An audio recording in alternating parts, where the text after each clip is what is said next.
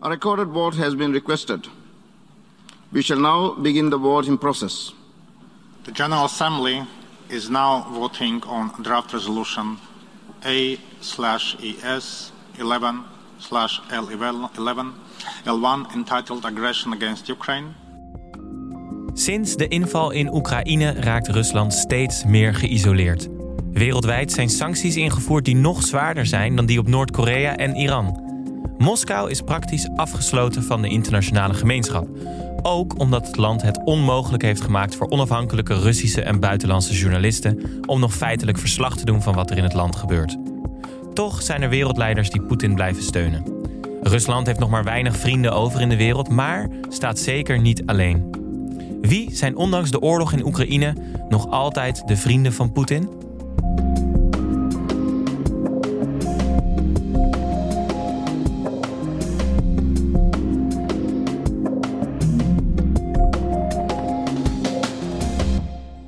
Welkom bij de podcast Wereldmachten. Mijn naam is Tim Wagemakers en samen met journalist Hans Klis bespreken we elke week de geopolitieke ontwikkelingen achter het nieuws. En in deze aflevering weer wat je van ons gewend bent. Naast de updates die we nu elke week doen op maandag, woensdag en vrijdag, duiken we één keer per week dieper in één onderwerp en proberen we de lange lijnen te schetsen op het geopolitieke schaakbord. En vandaag gaan we het dus hebben over de vrienden van Poetin. Hans, welkom. Hey, dankjewel. Fijn dat je er bent. Je bent nu drie keer per week met Esther, onze producent, uh, updates aan het maken. Ik weet niet of daardoor komt, maar de luistercijfers schieten ook omhoog.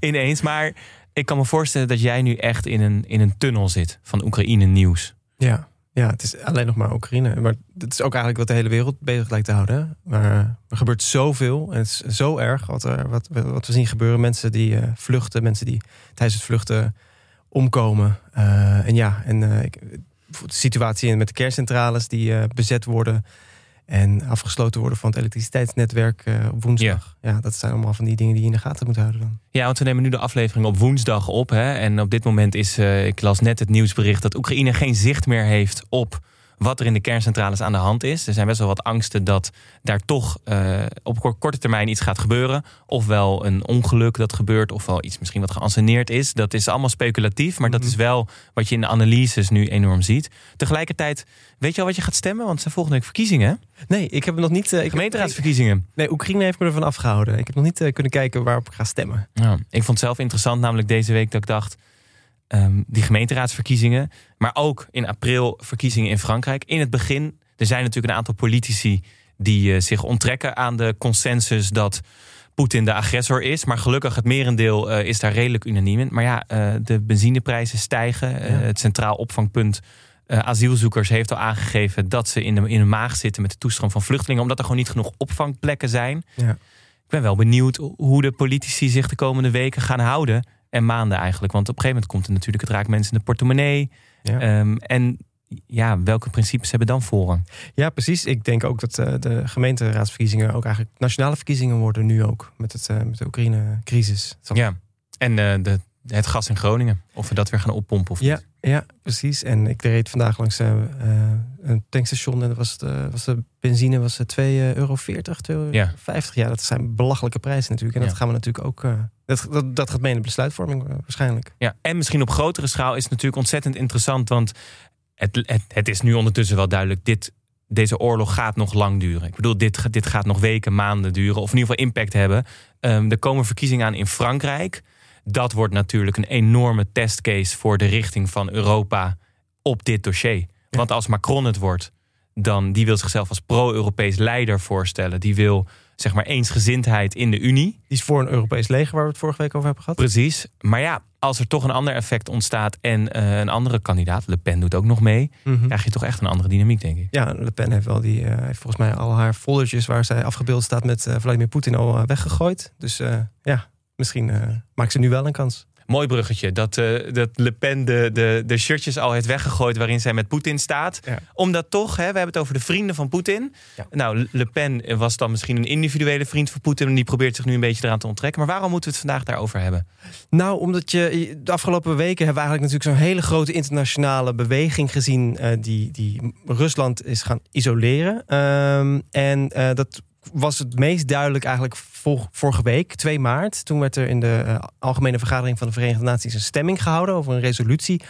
Om eigenlijk Rusland te veroordelen voor wat het eh, aan doen is in Oekraïne. En dat was, eh, ja, was, dat zag je heel duidelijk van wie is vriend van Poetin en wie niet. Maar er zitten ook nog heel veel laagjes onder. Ehm, je zag bijvoorbeeld dat er, er stemden 141 landen voor die resolutie. Nou, dat is bij de invasie van de Krim en, en latere resoluties was het nog nooit zo overweldigend dat er tegen Rusland werd gestemd. Ja, en ze stemmen dus tegen, ze veroordelen de Russische invasie van Oekraïne. Ja, Ja, precies. 141 landen. Ja, die stemden voor. En er waren er 35 die eh, zich onthielden van stemmen.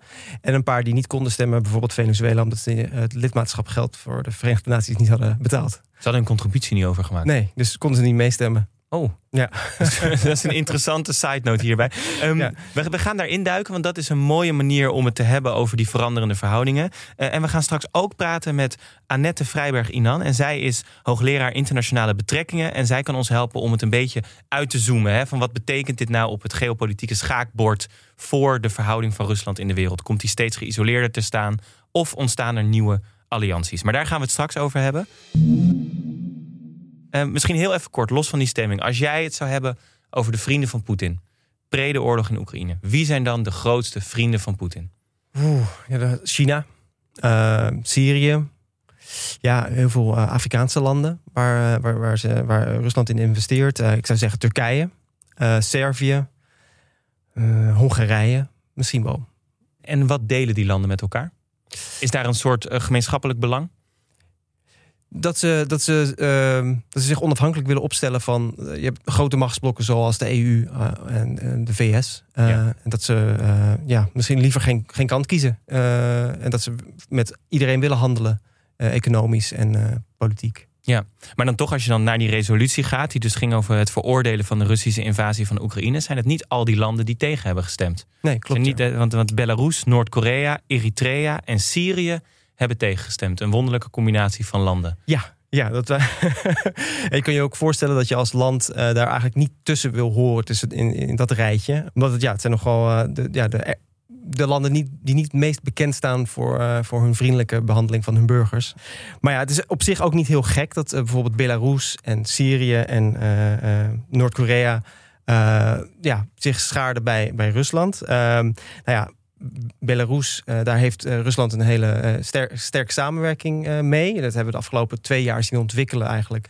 Eh, in 2020 waren er verkiezingen in Wit-Rusland. En toen eh, werd er gefraudeerd door de, door de zittende president, Alexander Luk- Lukashenko. Lukashenko, ja, Lukashenko, ja. Ik- tongbreker. en toen waren er hele grote demonstraties. Die hebben we zelf ook natuurlijk hebben we heel veel op het nieuws gezien. En toen kwam Rusland eh, eh, het land te, te hulp eigenlijk met het onderdrukken van die, van, die, van die demonstraties. En die heeft toen de leider, de- die president, in het zadel gehouden. En je ziet in die oorlog met Oekraïne dat ook nu Russische troepen via eh, Belarus eh, Oekraïne zijn Ja, binnengevallen. dat is duidelijk een, eh, hoe, hoe noem je dat, een quid pro quo, toch? Ja, precies. Poetin heeft de rekening geïnd voor zijn steun toen. Om nu via Belarus Oekraïne binnen te kunnen. Ja, en Syrië, dat is natuurlijk het land dat Rusland in in 2015 is begonnen met steunen met militaire middelen. om het Assad-regime in, in, in het zadel te houden. En Noord-Korea, nou Noord-Korea is niet per se een hele goede bondgenoot van, van Rusland. Ze drijven wel handel, maar eh, ik had een analyse eh, gelezen bij eh, North Korea News, waar eigenlijk werd gezegd, nou ja, Kim Jong-un, de leider van, van Noord-Korea, die, die zoekt gewoon overal manieren om het Westen, Amerika, dwars te zitten. En dat was deze, deze resolutie was een manier om dat te doen. En dan hadden we Eri- Eritrea. Dat is een dictatuur die niet per se heel erg verbonden is met, met Rusland. Behalve dan dat ze militaire steun krijgen en dat ze heel erg anti-Amerikaans zijn. Dus Ja. vandaar dat ze in die stemming bij Rusland schaarden. Ja, maar toch als je hier naar kijkt, dit zijn een beetje de vanzelfsprekende bondgenoten waar ook in is geïnvesteerd door Poetin, tenminste in ieder geval bij Syrië en bij Belarus, om nu in- op deze situatie uit te komen. Maar interessanter is misschien wel de groep die zich eigenlijk onthoudt van stemming. Hè? Die hebben gezegd bij die resolutie, wij willen het niet veroordelen, maar we willen het ook niet... eh, eh, we, we zeggen ook niet dat we tegen de resolutie zijn. En, da- en daar zitten natuurlijk grootmachten in als Ja. China en India. Ja. En China is natuurlijk ontzettend interessant in dit verband, omdat China eigenlijk natuurlijk zelf met Taiwan in hun maag zit. Mhm. Eh, en eigenlijk willen ze, vinden ze dat Taiwan zoals Rusland vindt dat Oekraïne, je moet het niet op één hoop gooien, maar toch in de hele korte analyse vindt Rusland dat Oekraïne bij het Russische grondgebied hoort. En- En China vindt dat Taiwan bij het Chinese grondgebied hoort. Dus ja, in die zin is het niet onlogisch dat zij Rusland niet zouden willen veroordelen. Maar toch hebben ze zich onthouden van stemming. Nou, er zit wel een verschil in hoe, hoe China eh, Taiwan ziet. Want China zegt eigenlijk al vanaf het begin eh, dat eh, dat hoort al bij ons. Dus Ja. het is geen ander land.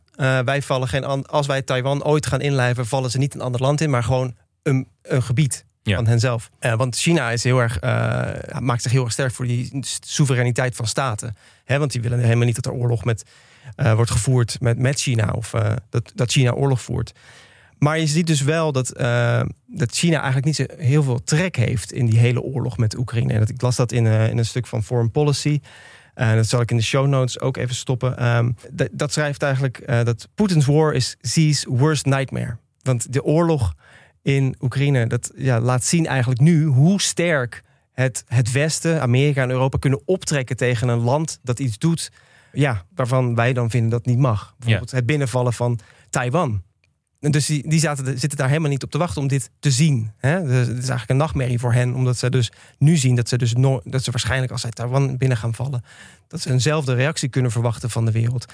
En je zag ook al met de Olympische Spelen waren hier natuurlijk voor die hele Ja. oorlog van, eh, eh, in Oekraïne. Volgens Amerikaanse eh, inlichtingendiensten is eigenlijk afgesproken tussen Rusland en China dat, dat Poetin niet Oekraïne zou binnenvallen tijdens de Olympische Spelen. Dat ontkent China nu op dit moment dat ze dat ooit hebben gedaan. Maar zo is China onbedoeld eigenlijk een soort van deel ge- geworden van die oorlog. En eigenlijk wil China geen kant kiezen. Ze willen niet, eigenlijk ook helemaal niet bemiddelen. Ze willen helemaal niks van weten van die oorlog. Omdat het een eigen grootmacht is en geen kant wil kiezen eh, en dus ook niet wil verliezen. Maar hoe zou je dan de relatie tussen Poetin en China omschrijven? Want dat is dan, een moeilijke relatie in zekere zin, omdat ze heel veel belangen delen. Ook altijd als het Westen eh, stevige sancties tegen Rusland invoert, gaat Rusland weer meer naar China kijken. Mhm. Dus in zekere zin zijn dat communicerende vaten. Ehm, maar nu geeft hij ook niet expliciet steun. Komt dat omdat hij denkt dat uiteindelijk eh, China toch, nou ja, ook zonder Rusland door kan? Ik luisterde eh, vanochtend een, eh, een, een- gesprek met Ties Daams bij Bureau Buitenland. En- China-kenner? ja, China-kenner van Klingendaal. En daar, komt eigenlijk, daar, daar had hij het eigenlijk over dat Rus, China wil eigenlijk geen reputatieschade krijgen door dit conflict. Want China is een reizende macht. Hè, die, die, die wil een alternatief zijn voor Amerika op het wereldtoneel. En die wil niet naar beneden getrokken worden door ja, de fratsen van Poetin. Ja. Eh, Ja. En zo moet je dat denk ik zien. Ja, ze willen niet besmet raken. Maar toch, als je je onthoudt van stemming, zou je uiteindelijk ook besmet raken. Natuurlijk, omdat de andere eh, landen ook meer vragen om een reactie, denk ik. Ja, er wordt natuurlijk nu ook gesproken over dat, dat Xi, de president van China, eh, een bemiddelende rol kan spelen. Omdat hij zo, zo, ja, zo nauw is met Poetin. Ja. Dan die andere grootmacht, India. Dat is eentje waar die we eigenlijk nog heel weinig besproken hebben in deze eh, podcast. Misschien ook wel omdat, het, omdat India eh, politiek gezien op het wereldtoneel in de westerse media niet enorm doorklinkt. En tegelijkertijd is dat natuurlijk gigantisch land waar enorm veel belangen ook zitten met Rusland. Ja, klopt. Die hebben zich ook onthouden van stemming. Ja, India heeft al heeft een decennia lange relatie eigenlijk met, met, met Rusland. Eh, eh, en het gaat dan vooral om het kopen van militaire materieel. Eh, en het heeft de relatie met het Westen, nou ja, met Amerika, laten we zo zeggen, is, ja, is, veel, veel nieuwer eigenlijk. En India die heeft China op de grens en die concurreert daarmee. En die ziet zelf Rusland, eh, die partner die ze, die ze al Mm. tientallen jaren hebben, als een soort van tegenwicht voor ja, die strijd met, met China. En wat ik las bij de Wall Street Journal was ook een, een analyse dat, ehm, ja, dat India een beetje teleurgesteld is in hoe eh, Amerika is teruggetrokken uit Afghanistan. En hoe het een soort van. Ja, de, de, de rommel die ze hebben achtergelaten Ja. met de Taliban die nu aan de macht is. En die, ja, waar, eh, die gesteund worden door, door Pakistaanse eh, inlichtingendiensten. India wil stabiliteit in de regio. En Precies. dat hebben ze niet veroorzaakt. Dus teleurstelling alom. Ja, dus ze zijn niet zo snel bereid om eh, een kant te kiezen in dit, in, ja, in deze, in dit conflict. Hoe kijkt Poetin eigenlijk dan naar China en India in dit verband? Had hij gehoopt op meer steun van hun? Ik denk dat Poetin, gezien zijn inval van Oekraïne, eigenlijk ja, niet zo heel erg uitmaakt eh, wat mensen van hem vinden. Want hij doet toch wel wat hij zelf wil. Ja, hij heeft zich voorbereid om dit zelf te kunnen dragen. Ja. Wat mij ook opviel bij die stemming is dat 26 van de 54 Afrikaanse landen zich ook onthouden hebben van stemmingen. Ja. Dat is een gigantisch blok. Af- Afrika is natuurlijk een continent dat altijd verscheurd is geweest eh, in de Koude Oorlog tussen kiezen tussen het Westen en, en, en, en Rusland en de Sovjet-Unie. En dat hoeft nu niet meer. Deze landen kunnen zich veel onafhankelijker opstellen en dat doen dat ook. Eh, dat komt deels omdat ze ook banden hebben met Rusland, eh, bijvoorbeeld eh, militair gezien. Eh, landen als Mali, Burkina Faso, Mozambique. eh, Madagaskar, die hebben de, allemaal een aanwezigheid van eh, Russische huurlingen van de Wagner-groep. Dus dat is een groep verbonden aan het Kremlin. Eritrea heeft veel wapenhandel met, met, met, met, met Rusland. En landen zoals Zuid-Afrika hebben nog een soort van nostalgische banden met de Sovjet-Unie, die hen gesteund hebben, bijvoorbeeld eh, in de vrijheidsstrijd. eh, Ja. eh, om de apartheid af te, af te schaffen. En je ziet dus daar dat, dat zij daar veel meer voelen, laten zien dat zij ja, eigenlijk afzijdig willen blijven, niet willen kiezen. Ja, en dat is natuurlijk ook een luxe misschien in die zin om te kunnen kiezen als je afhankelijk bent voor de stabiliteit in je eigen land van militairen uit Rusland. Wat je daar ook van vindt, zij hebben daar natuurlijk ook nu die stabiliteit nodig en zijn bang dat die huurlingen dat die weggetrokken worden. Ja. Dat is eigenlijk wat het prevalerende belang is voor hun. Precies, of dat eh, Rusland zegt, nou dan investeren we geen geld meer in jullie landen. Als we dan naar andere landen gaan, hè, want je hebt natuurlijk ook de Europese bondgenoten. En dat zeker als je natuurlijk naar Poetins eh, invloedssfeer kijkt, dan is die ook heel erg eh, geweest in de ideologie, in het pushen van een narratief, in het pushen van eh, een conservatieve ideologie in, in Europa. Bijvoorbeeld rondom de vluchtelingenproblematiek. Maar toch, als je nu kijkt naar de houding van Hongarije en ook Servië, dan zijn die ook niet per se nu heel blij met Poetins inval in Oekraïne. Nee, Waar zit dat hem in? Is dat de angst dat de vluchtelingenproblematiek hun kant op komt? Is het zo of, of, of spelen daar meer belangen? ik, heb, eh, ik, ik las bij Balkan Insight dat, eh, dat eh, bijvoorbeeld Hongarije en, en Servië eigenlijk onder im- immense Europese druk staan om met de neus richting ja, de, het Westen te staan. En niet te kiezen voor, voor Poetin zo openlijk. Dus dat ze daarom in- bijvoorbeeld in de Verenigde Naties hebben gestemd voor die resolutie. Omdat ze anders bang zijn dat. Wat is de angst dan? Ja, eh, nou, Hongarije is natuurlijk onderdeel van de Europese Unie, krijgt Europees geld. Eh, daar spelen belangen die eh, ja, misschien toch wel belangrijker zijn voor Hongarije op de korte termijn dan op de lange termijn met Poetin. Is ook deze crisis nu een kans voor westerse landen, bijvoorbeeld voor Biden, om te proberen om een aantal vrienden van Poetin los te weken uit Poetins invloedssfeer? Ja, dat zie je al gebeuren. Eh, afgelopen weekend eh, gingen er al Amerikaanse vertegenwoordigers naar Venezuela. Eh, grote olieproducent, maar ook een groot bondgenoot van, van, van Rusland. Misschien weten de luisteraars nog dat in 2019 er verkiezingen waren... dat Nicolas Maduro weer president werd. maar er zou gefraudeerd zijn met die verkiezingen. En toen schaarde Amerika onder Trump zich achter de spreker van het huis... als ik het goed begrijp, eh, Guaido... Mhm. heette die van de achternaam. En eh, toen heeft eh, ja, Trump geprobeerd om eh, een soort van een staatsgreep te laten gebeuren daar. En, en toen dat niet gebeurde, sneed Amerika alle banden tussen Venezuela en Amerika af. En toen kwam Rusland daar eigenlijk olie afnemen. Ja. Die Venezuela normaal aan Amerika zou verkopen. En nu zie je dus met, eh, met die oorlog in Oekraïne. En nu er zoveel ja, eh, behoefte is aan goedkope olie. Ja, dat Amerika weer dus de banden aan had met Venezuela. En dus probeert op het moment dat eh, Rusland politiek zwak staat in de wereld eigenlijk. Om dan wat meer wat mensen weer terug te hengelen eigenlijk. En Ja. je ziet al dat het effect heeft. Er werden wat, wat met de mensen vrijgelaten, Amerikanen, deze week.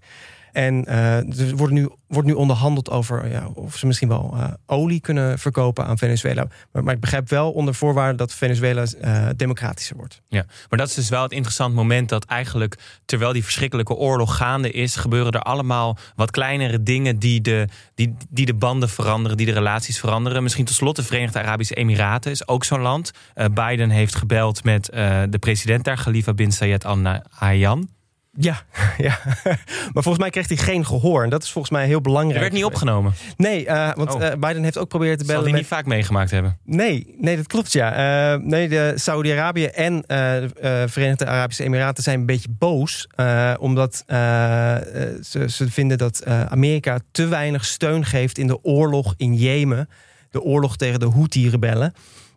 En daarom nemen ze de telefoon niet op. Maar ook hebben ze geweigerd om eh, bijvoorbeeld meer olie te pompen eh, zodat de, de, benzineprijs naar beneden gaat.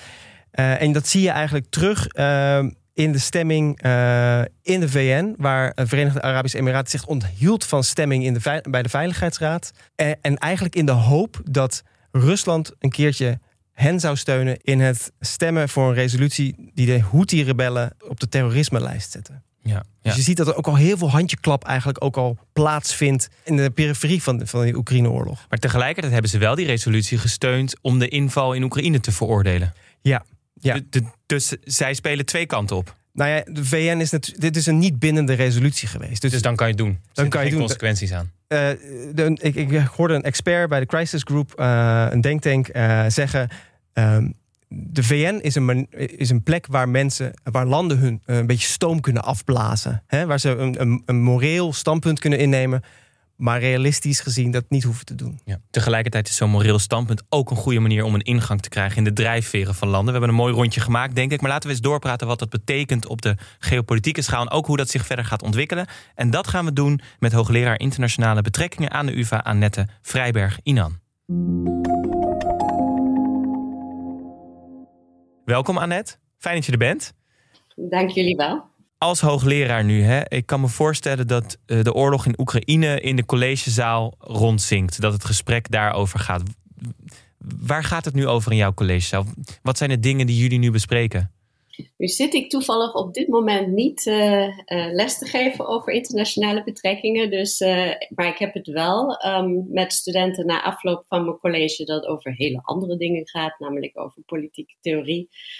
Heb ik het nog over Oekraïne, dan met name op de donderdag dat de oorlog begon, was er wel veel behoefte. We zaten daar allemaal een beetje elkaar aan te kijken van kunnen we het nu eigenlijk over iets anders hebben?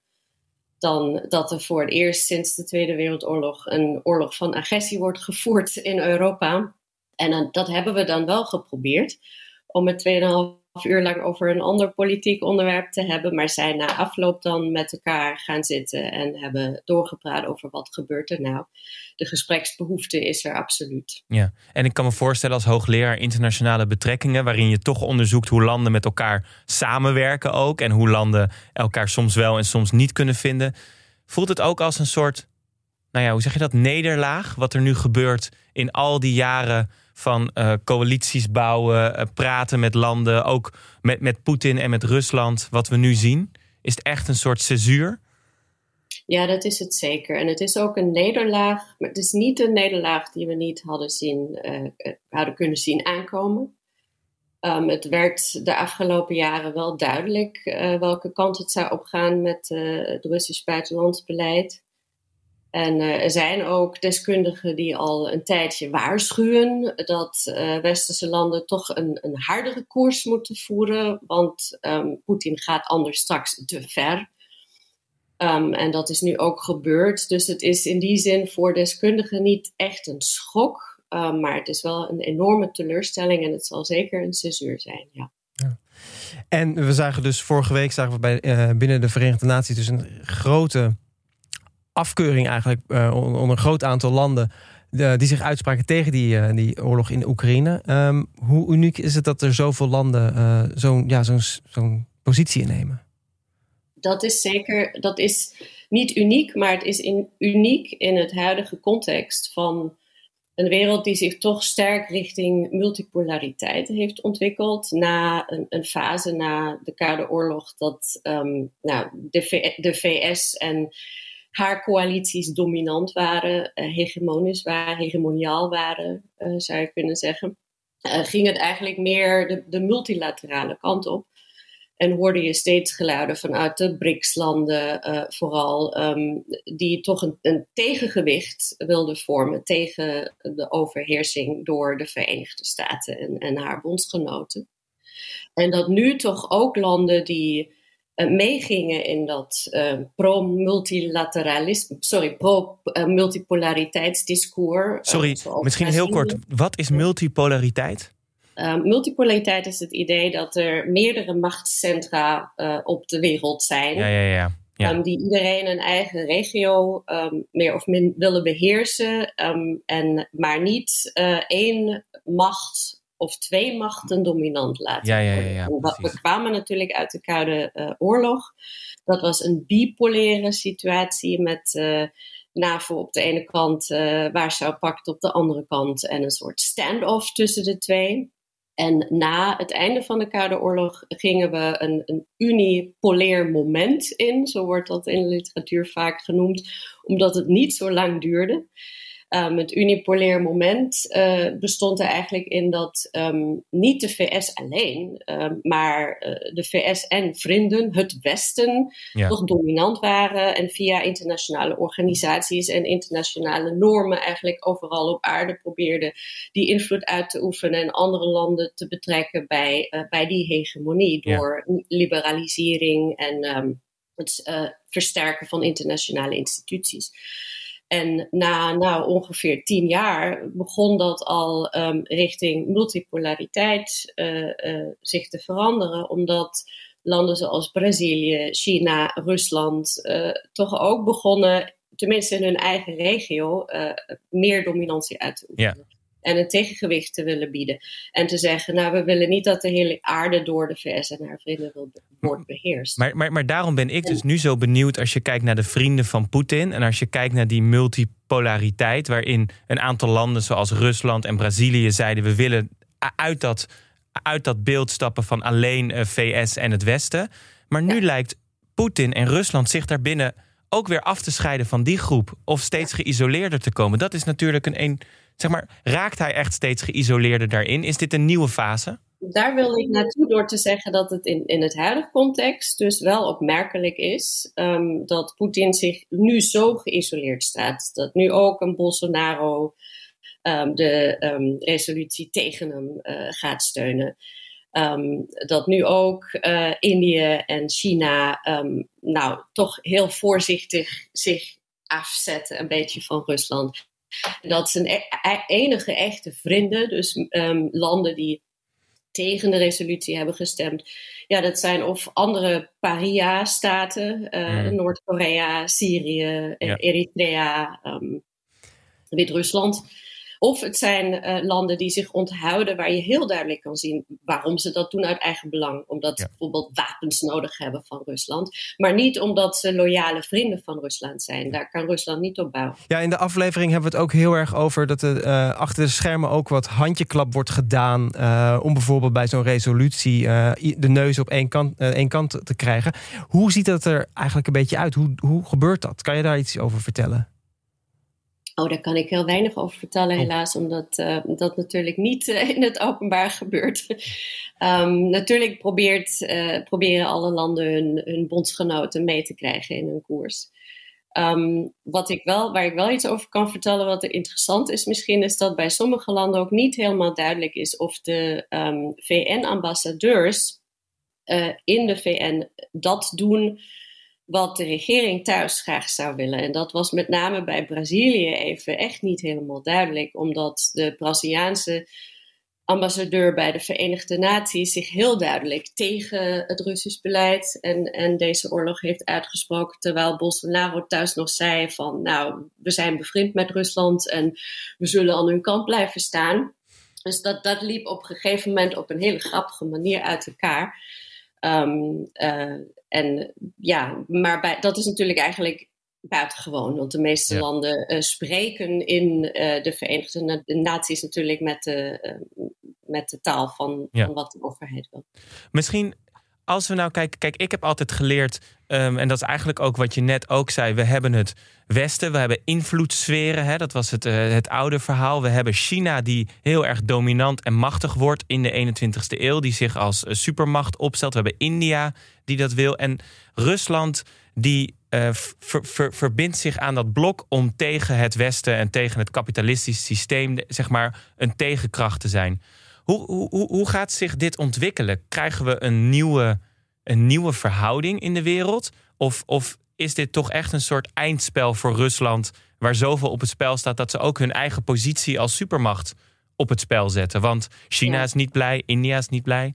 Ja, nee, um, ik denk dat het de kant op gaat dat Rusland zijn eindspel uh, speelt hiermee. Dat is uh, geostrategisch gezien is wat uh, Poetin doet uh, zelfmoord. Um, want hij is, zoals ik eerder uitlegde, in toenemende mate geïsoleerd. Uh, ook landen die op zich uh, um, ja, strategische belangen hebben, die op één lijn liggen met de belangen van Rusland, om een tegengewicht te bieden tegen de VS, um, kunnen om verschillende redenen niet meegaan met, met wat, wat er de afgelopen paar weken is gebeurd. Poetin is in die zin gewoon te ver gegaan. Um, als je naar China kijkt bijvoorbeeld, China heeft um, vijf principes geformuleerd die zijn buitenlandse politiek moeten, moeten leiden. En Poetin heeft met zijn huidig buitenlands beleid tegen al die vijf principes uh, uh, is hij tegen ingegaan. Dus uh, China kan eigenlijk kan niet, het gaat dusdanig tegen zijn eigen mm. retoriek in de buitenlandse politiek, kan daar niet steun voor geven. Kun je een principe noemen misschien?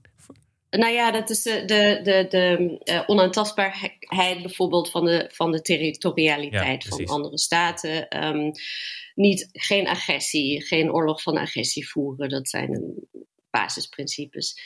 Um, het is heel belangrijk voor um, hoe dit allemaal gaat uitpakken, wat China gaat doen. En wat China gaat doen, dat, dat weten we natuurlijk niet zeker. Um, maar dit is wel een kans voor China om de verhoudingen met de Verenigde Staten um, weer de goede kant op te trekken. Dus als China nu in dit conflict constructief optreedt en niet tegen westerse belangen optreedt, misschien zelfs een bemiddelaarsrol kan spelen, dan zou dat positief kunnen uitpakken op het wereldtoneel in de zin dat dat de verhoudingen tussen China en de VS weer kan verbeteren. Um, ik hoop dat dat gaat gebeuren. Maar als ik het dan concludeer, dan kunnen we toch wel zeggen dat de tijd van loyaliteit, in hoeverre die bestond rond internationale betrekkingen, echt wel op de proef gesteld wordt nu. En toch de kleine belangen en de, en de posities opnieuw bepaald worden op heel veel gebieden. Bijvoorbeeld bij China, bijvoorbeeld bij India, bij die Afrikaanse landen. Uh, het is echt een dat, dat zie je, Ja, nee, dat is zeker waar. Dat zien we in, in India, dat zien we in de Verenigde Arabische Emiraten. Dat daar nu eigenlijk een nieuwe koers moet worden bepaald. Want ze hebben belangen met Rusland, ze hebben ook belangen met het Westen. En, en hoe reageer ik nu? En daar is misschien inderdaad, um, is het, het is een buitenlands beleid van belangen en niet van loyaliteit. Uh, maar ik zou dat niet voor de hele wereld onderschrijven. Want ik, ik denk dat we in, uh, de, in NAVO en in Europa juist zien dat er weer een veel. Uh, dat, dat het enig, eensgezindheid en het gevoel van eens zijn gesterkt wordt. En dat de loyaliteit binnen NAVO en binnen de Europese Unie, maar ook een beetje breder dan de Europese Unie, als je bijvoorbeeld Servië erbij haalt, of, of mm. landen zoals Moldova of Georgië dat daar juist um, loyaliteitsgevoelen in de komende jaren weer een grotere rol gaan spelen. Ja, mooi. Dankjewel voor dit gesprek, Annette Vrijberg-Inan. Wat Annette aan het einde zei over dat het ook laat zien dat de NAVO dichter tot elkaar komt en dat um, in de Europese Unie opeens de belangen wat meer hetzelfde lijken te zijn.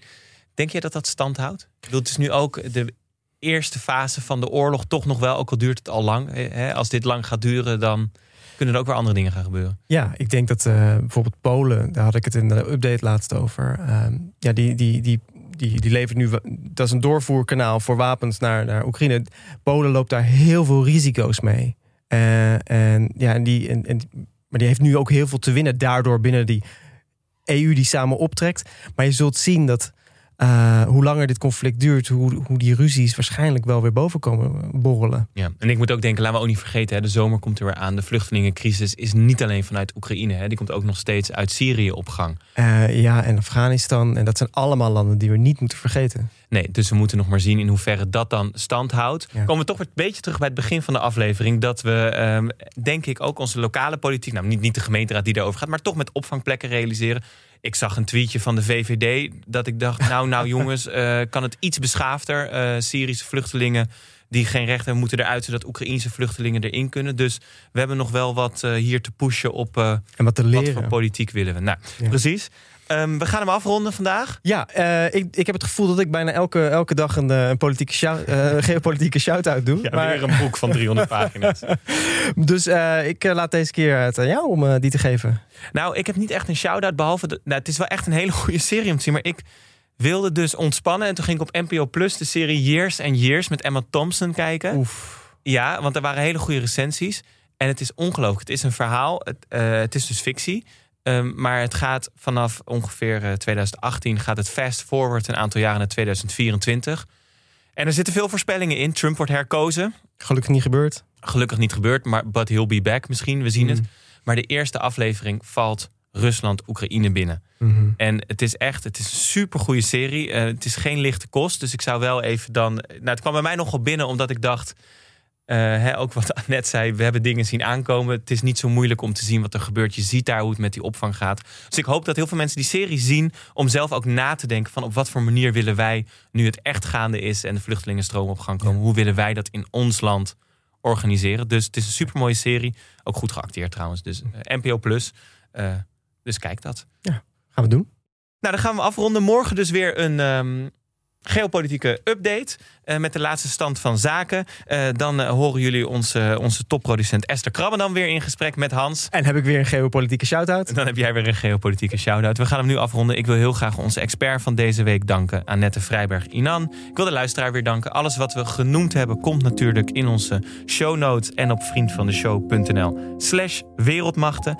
En volgende week donderdag zijn we er weer met een lange reguliere aflevering. Waarin we dieper ingaan op de grotere lijnen rond wat er gaande is in Oekraïne. Eh, bedankt voor het luisteren. Je luisterde naar een podcast van Dag en Nacht Media in samenwerking met de Buitenlandredactie. Eh, en deze podcast wordt gemaakt door Esther Krammendam, Jeroen Sturing, Meerte van Munster, Lara de Boer en Anne Janssens. De muziek is van Studio Cloak. Je vindt ons op Vriend van de Show en op het Twitter-account Wereldmacht. Tot volgende week.